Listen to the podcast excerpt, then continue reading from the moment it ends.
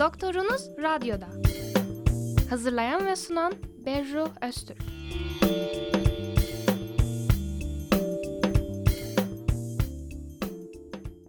Selamlar sevgili dinleyenler. Trakya Üniversitesi Radyosu 106.2 frekansında Radyo Günebakan'dasınız. Ben Doktorunuz Radyo'da programı yapımcısı ve sunucusu Berru Öztürk. Bize ulaşmak isterseniz e-posta adresimiz radyogünebakan.trakya.edu.tr Türkçe karakter kullanmadan radyogünebakan.trakya.edu.tr Geçen hafta programımızı iyi takip eden dinleyenlerimiz biliyor ki bugün konumuz çocuk endokrinolojisi ve konuğum Trakya Üniversitesi Tıp Fakültesi Çocuk Sağlığı Hastalıkları Anabilim Dalı ve Çocuk Endokrinoloji Bilim Dalı öğretim üyesi Profesör Doktor Filiz Tütüncüler kökenli. Hoş geldiniz hocam. Hoş bulduk. Tüm dinleyenlerimizi size geçen haftadaki programımızdan bildiğini düşünüyorum. Ancak bilgileri tazelemek adına kısacacık kendinizden bahseder misiniz? Ben Profesör Doktor Fiz Tütüncüler kökenli Trakya Üniversitesi Tıp Fakültesi Çocuk Endokrinoloji Bilim Dalı öğretim üyesiyim. Aynı zamanda bilim dalı başkanıyım. Yaklaşık 20 yıldır Trakya Üniversitesi'nde çalışıyorum. Son 15 yılda pediatrik endokrinoloji yani çocuk endokrinolojisi bilim dalında görev yapıyorum ve çocuk hormon hastalıklarına bakıyorum. Aslen de Trakyalıyım.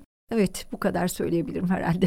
O zaman başlıyoruz hocam. Çocuk endokrinoloji bölümü nedir? E, hangi hastalıklara bakar? Yani bölümün içeriğini bize biraz anlatır mısınız? Evet, çocuk endokrinolojisi hormon bozukluklarına bakıyor. Yani çocuk sağlığı ve hastalıkları ana bilim dalı dediğimiz bölümün bünyesinde çalışan bir alt grup ve burada 0-18 yaş aralığındaki çocuk ve ergenlerde gelişen hormon bozukluklarının tanı ve tedavisi ve izleminden sorumlu aynı zamanda. Yani hormon bozuklukları dediğimiz zaman bunların içerisine işte büyüme geriliği dediğimiz boy kısalığı, erken ergenlik ya da gecikmiş ergenlik, şişmanlık ya da tiroid beziyle ilgili sorunlar ya da böbrek üstü beziyle ilgili sorunlar birçok hormonal bozukluğu kapsamaktadır ya da kalsiyum metabolizması bozuklukları, bunlarla ilgili hastalıkların tanı ve tedavisinde ve aynı zamanda izleminden sorumlu. Peki yaş gruplarına özgü olan yine hormonal hastalıklar neler? Yani hangi yaş gruplarında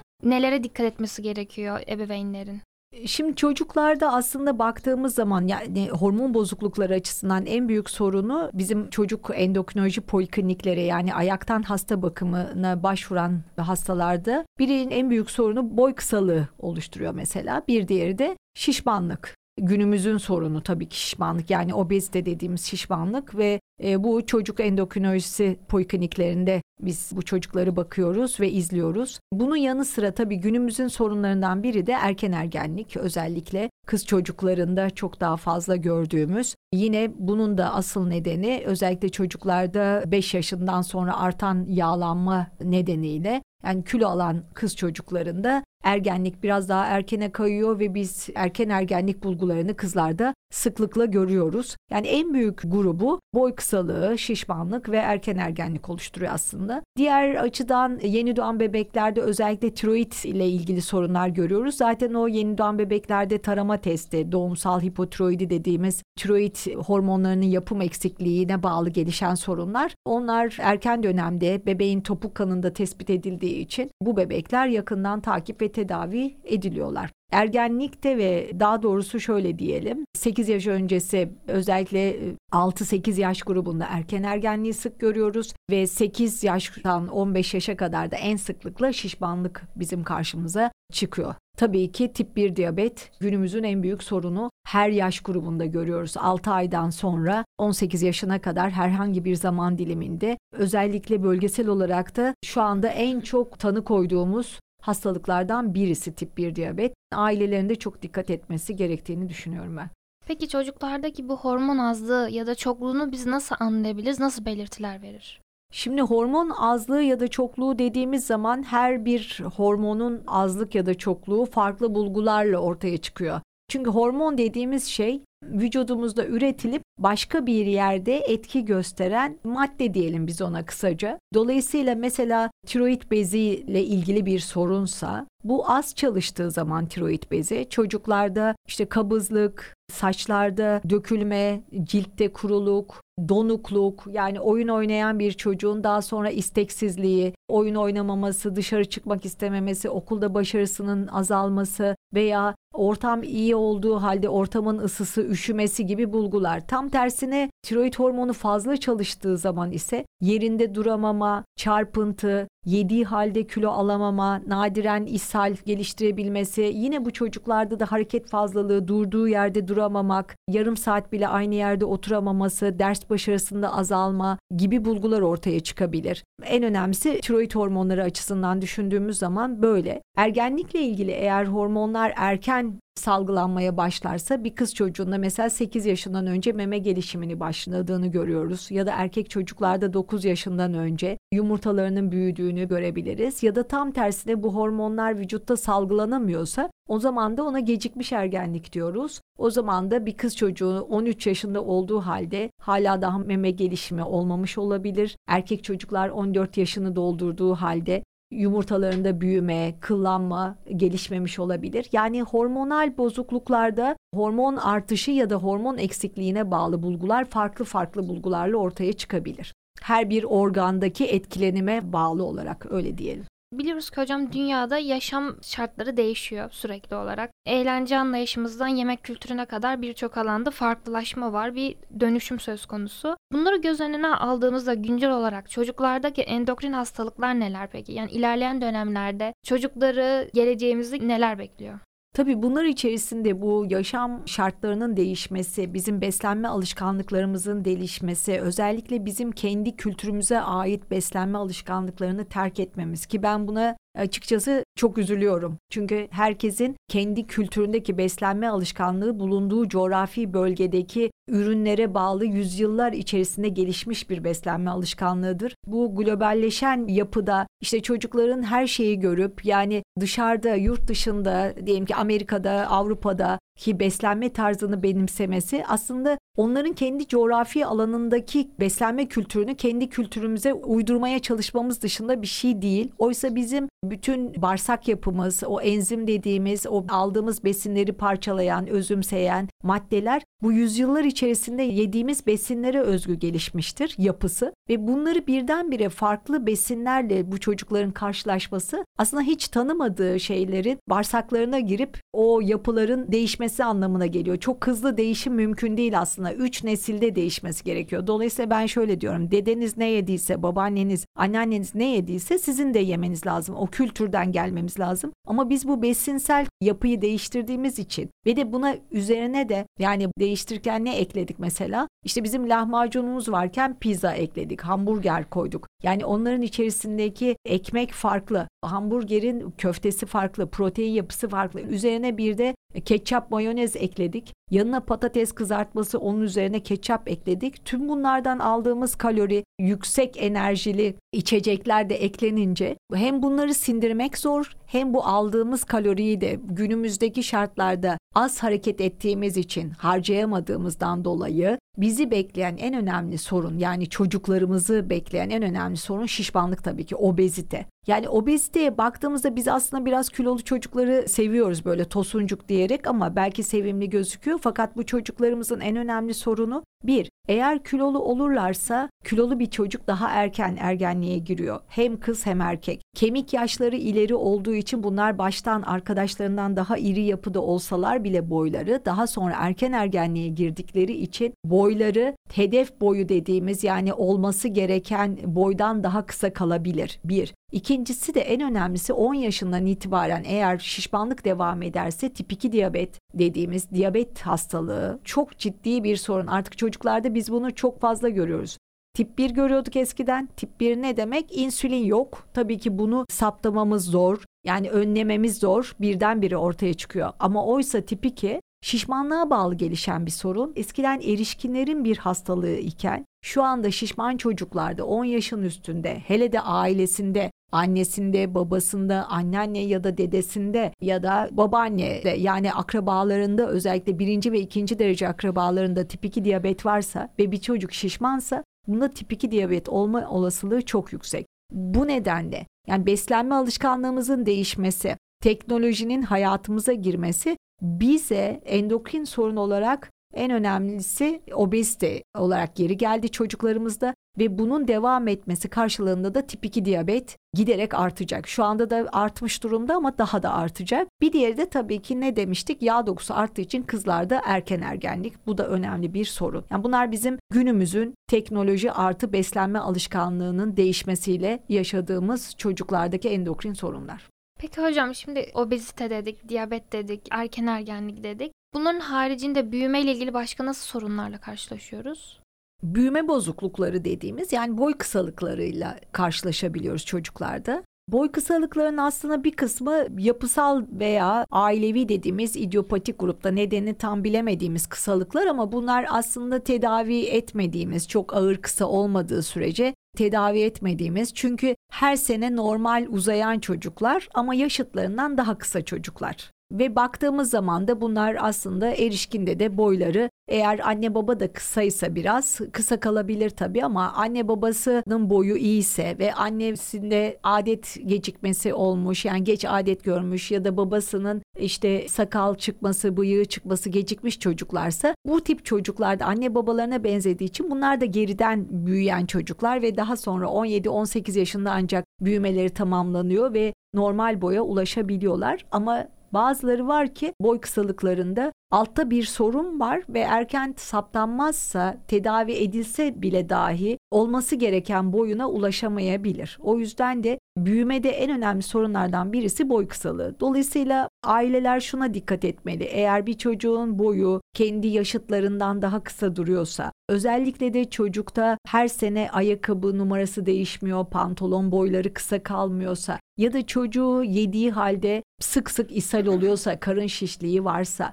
Az önce söylediğimiz gibi tiroid hormonları ile ilgili bir bozukluk varsa yani işte ne olabilir? Cildi kuruysa, kabızlığı varsa, çocuk donukluğu varsa, saçlarında dökülme varsa ve boyu da uzamıyorsa bu çocukların mutlaka ve mutlaka bir çocuk sağlığı ve hastalıkları uzmanına yani bir çocuk doktoruna götürülmesi gerekir. Çünkü orada ilk başta bazı tetkikler yapılabilir. Burada bir sorun yoksa çocuk küçükse yaşı bir yıl izlenebilir, uzuyor mu yeterli diye değerlendirmek amacıyla. Ama çocuk özellikle 5 yaşından daha büyükse, özellikle 7-8 yaşından daha büyükse mutlaka bunun bir çocuk endokrin uzmanı tarafından görülerek değerlendirilmesi gerekiyor. Yani endişe etmeyin, izleyelim çocuğunuzu diyecek ya da ileri tetkik yapacak ve çocuğun altta yatan bir başka sorunu olup olmadığını değerlendirecek bir uzmana ihtiyaç vardır. Dikkat etmemiz gereken konuları konuşuyorken hocam kimyasal madde kullanımı, alerjen madde kullanımı, mesela temizlik ürünleri olabilir. Bunlar çocuklara nasıl etki ediyor? Bu ürünlerin kullanımıyla ilgili olarak ne söylersiniz? Şöyle hijyen teorisi var. Sadece bunu söyleyebiliriz. Yani bu kadar çok fazla çocuklarımızı korunaklı büyütmek her şeyden, toprakla temasının azalması, çok fazla antiseptik kullanmaması, işte evde çok fazla her şeyi biliyorsunuz reklamlarda bile bakteri öldürücü diye geçiyor sabunlardan tutun deterjanlara kadar. Bunların fazla miktarda kullanılması hem kendilerinde içeren kimyasallar nedeniyle hem de çocukların hiçbir yani bakteri ve virüsle çok fazla temas etmemesi, onların bunlarla geç temas etmesi bu çocuklarda alerjik reaksiyonların gelişmesine neden olabiliyor tabii. Onun için benim ailelere tavsiyem bir kere çocuklar açık havada büyüsünler. Bu çok önemli. Çocuklar kıl, tüy yani kaz tüyü, tavuk tüyü yani bunları bilmesi lazım çocukların. Bunlarla temas etmesi lazım. Ağaçlardan düşen polenlerle de tabii ki bazı çocukların alerji yatkınlığı olabilir bu tip şeylere o hariç ama onun dışında çocukların her türlü yabancı cisim dediğimiz vücudun daha önce temas etmediği ve onu tamamlaması gereken bir ortamda bulunması çok önemli. Bunu da unutmayalım. Yani ailelerin çok fazla temizlik konusunda hassasiyet göstermesi çok da doğru değil. Yani oraya dokunma, buraya dokunma, hayvana dokunma, kediye dokunma yapmasınlar. Çocuklar hayvanlarla temas etsin. Mümkünse çiftliklere götürsünler. Varsa tanıdıkları köye götürsünler. Çocuklar bir ineğin pisliğini de görsün, ona da bassın. Hiç korkmasınlar bunlardan. Bu çok önemli. Tavuğu da görsün, horozu da tanısın, ineği de görsün, keçiyi de görsün. Çocuklar bunları görsün. Şimdi aslında biraz biraz tedavi kısmına girmiş olduk. Doğadan bulduk tedavi şifayı. Peki sizler nasıl bir tedavi yöntemi izliyorsunuz? Çünkü konuştuğumuz hastalıklar daha küçük yaşlarda başlayıp çok ileri döneme kadar uzayabilen uzun süreçli hastalıklar. Bu dönemlerde nasıl bir yol izleniyor? Aileleri, çocukları neler bekliyor?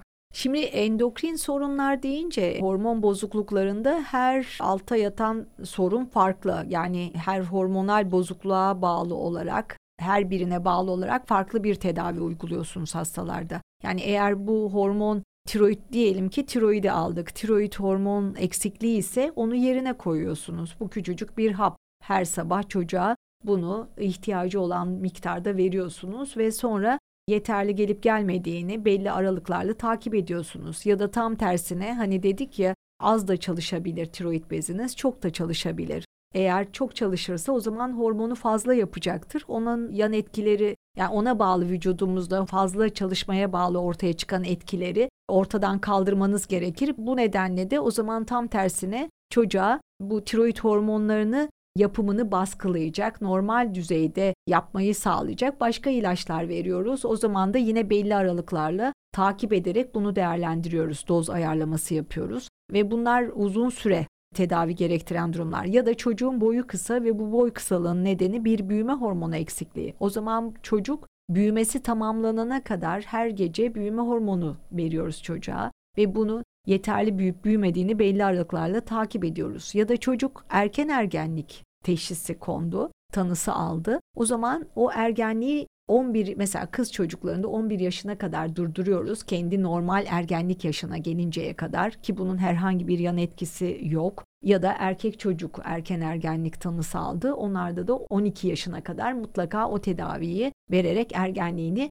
durduruyoruz. Yani donduruyoruz öyle diyeyim ve onu belli aralıklarla izliyoruz ya da tam tersine ergenliği başlamadı. Onun neden başlamamış onu bulup ergenliği başlatıcı dışarıdan hormon tedavisi veriyoruz. Dolayısıyla endokrin hastalıklar her bir organdaki salgılanan hormona bağlı olarak az ya da çok salgılanması yönünde bir tedavi veriliyor ve bu büyük bir çoğunluğu da şöyle düşünelim. Bademcik iltihabı oluyorsunuz, tedavi oluyorsunuz, bir haftada geçiyorsunuz. Ama hormon bozukluklarının büyük bir çoğunluğu geçici değilse çoğunluğu da kalıcıdır. Bu çocukları biz 18 yaşına kadar belli aralıklarla takip ediyoruz. Sonrasında da erişkin endokrin bölümüne devrediyoruz çocukları. Bazen 21-25 yaşına kadar takip ettiğimiz mesela diyabetik çocuklarımızdan da var. Yani sürekli takip etmemiz gerekiyor. Ya da diyabetse diyelim ne eksik? insülin eksikliği var. Onu dışarıdan bu çocuğa günde 4 defa ya da pompayla vererek kan şekerlerini normal düzeylerde tutuyoruz. Şu ana kadar genelde daha böyle küçük yaş grubundan konuştuk. 12-13'e kadar çıktık ama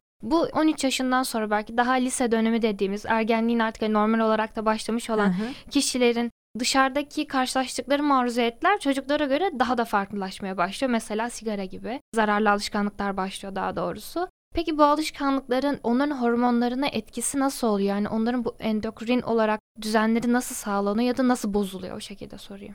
Bunlar zararlı alışkanlıklar. Biz ergenlerin hani alkol ve sigaradan uzak durmasını çok istiyoruz ve onları söylüyoruz da.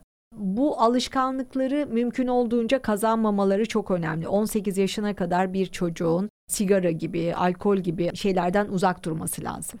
Ama eğer doğrudan sigaranın şeyi yok, öyle söyleyelim. Yani endokrin bir bozukluğa yol açma durumu yok. Ama eğer bir endokrin sorun varsa o zaman tedaviyi güçleştirme açısından bir sorun olabilir. Mesela çocuğun diyabeti var, tip 1 diyabeti var, şeker hastalığı var yani. Eğer sigara da içerse o zaman orada yağları bozulacağı için damar sertliği daha erken gelişebilir. Onun dışında göz bulguları dediğimiz bazen katarak gelişmesi ya da görme yönünde sorunlar bunlar daha erken ortaya çıkabilir. Ya da diyabete bağlı böbreklerde protein kaçığı olması sigara içenlerde daha fazla olabilir. Onun için ergenleri bu konuda mutlaka uyarıyoruz. Asla sigara içmemeleri konusunda mümkün olduğunca. Alkole gelirsek onun da yani diyabet açısından en büyük riski ya da diyabet olmasa bile bir çocuk yani bir ergen eğer alkol alırsa şekeri düşebilir ve bu baygınlığa yol açabilir. Sabah şiddetli baş ağrıları olabilir. Onun için biz ergenlerin mümkün olduğunca böyle alkol, sigara gibi alışkanlıklardan uzak durmasını öneriyoruz. Öyle diyeyim. Büyüme etkisi var mı